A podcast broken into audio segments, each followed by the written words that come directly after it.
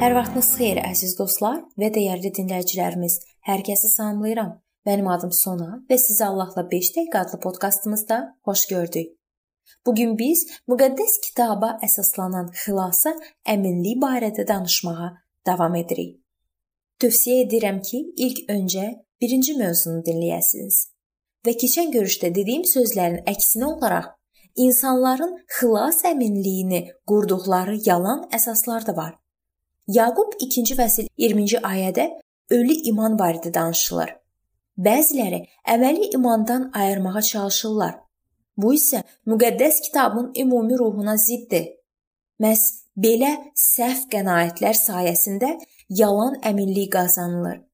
Efeslərə 2-ci fəsil 8-10-cu ayələrdə əməllə iman arasında olan ardıcıllıq və qarşılıqlı əlaqə göstərilir. 2 Peter 3:17-də yalançı təlimlərə görə aldanma təhlükəsinə dair xəbərdarlıq alırıq.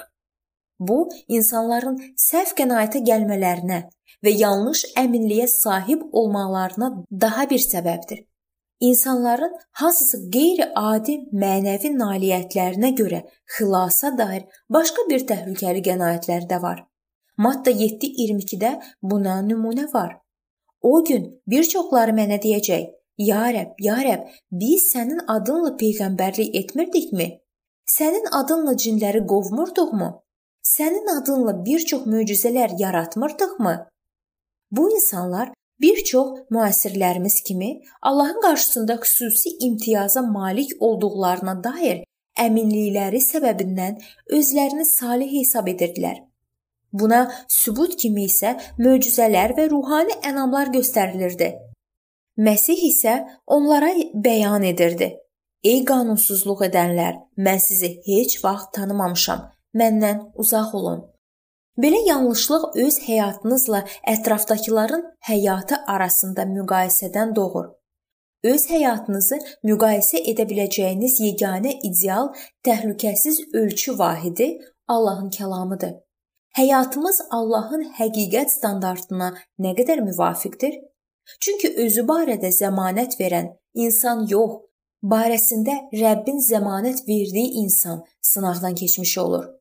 2-ci Korinflərə 10-18 Bəzi adamlar qeyd-şərtsiz əbədi təhlükəsizlik haqqında yanlış təlimi müdafiə edərək mənbə kimi Yahya 10-cu fəsil 28-29-cu ayəyə istinad edirlər.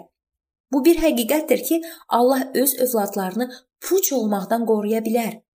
Amma əbədi təhlükəsizlik barədə nəzəriyyədə zəif halqa odur ki, bu nəzəriyyə məsihçinin vaxtı ilə malik olduğu səmavi atanın təhlükəsiz əllərindən könüllü olaraq imtina edərək geriyə günaha qayıda bilməsi faktını inkar edir. İbranilərə 10, 26, 29 və 2 Peter 2 20-22-ci ayələrdən aydın olur ki, bu baş verə bilər və baş verir. Müqəddəs kitabdan belə vəziyyətə nümunə kimi 2 Timotey 4:10-dan Dimanı göstərmək olar.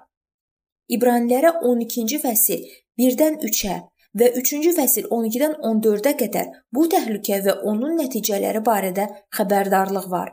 Bəziləri isə hesab edirlər ki, Allah sevən Allah olduğu üçün bizim xırda günahlarımıza göz yumacaq. 1-ci Yəhya 4:8-də həqiqətən də deyilir ki, Allah məhəbbətdir. Müqəddəs yazının digər mətnlərində isə yazılıb ki, Allah müqəddəs, ədalətli və səbirlidir. Məsih hamımızı xəbərdar edir. Budur, tezliklə gəlirəm. Verəcəyim mükafat mənimlədir və hər kəsə öz əməlinə görə əvəz verəcəyəm. Vəh 22:12. Həmçinin 13:19 özünü Allaha sınaqdan keçmiş, həqiqət kəlamını doğruluqla işlədən, alnı açıq bir işçi kimi təqdim etməyə çalış. 2 Timotey 2:15 və görüşü bu ayə ilə bitirmək istəyirəm. 2 Peter 1-ci fəsil 10-11-ci ayələrdə bu sözlər yazılıb. Ey qardaşlar, çağırıldığınızı və seçildiyinizi təsdiq etmək üçün daha da səy göstərin.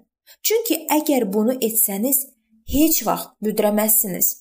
Beləcə Rəbbimiz və xilaskarımız İsa Məsihin əbədi padşahlığına girmək səlahiyyəti sizə bol-bol ehsan ediləcək.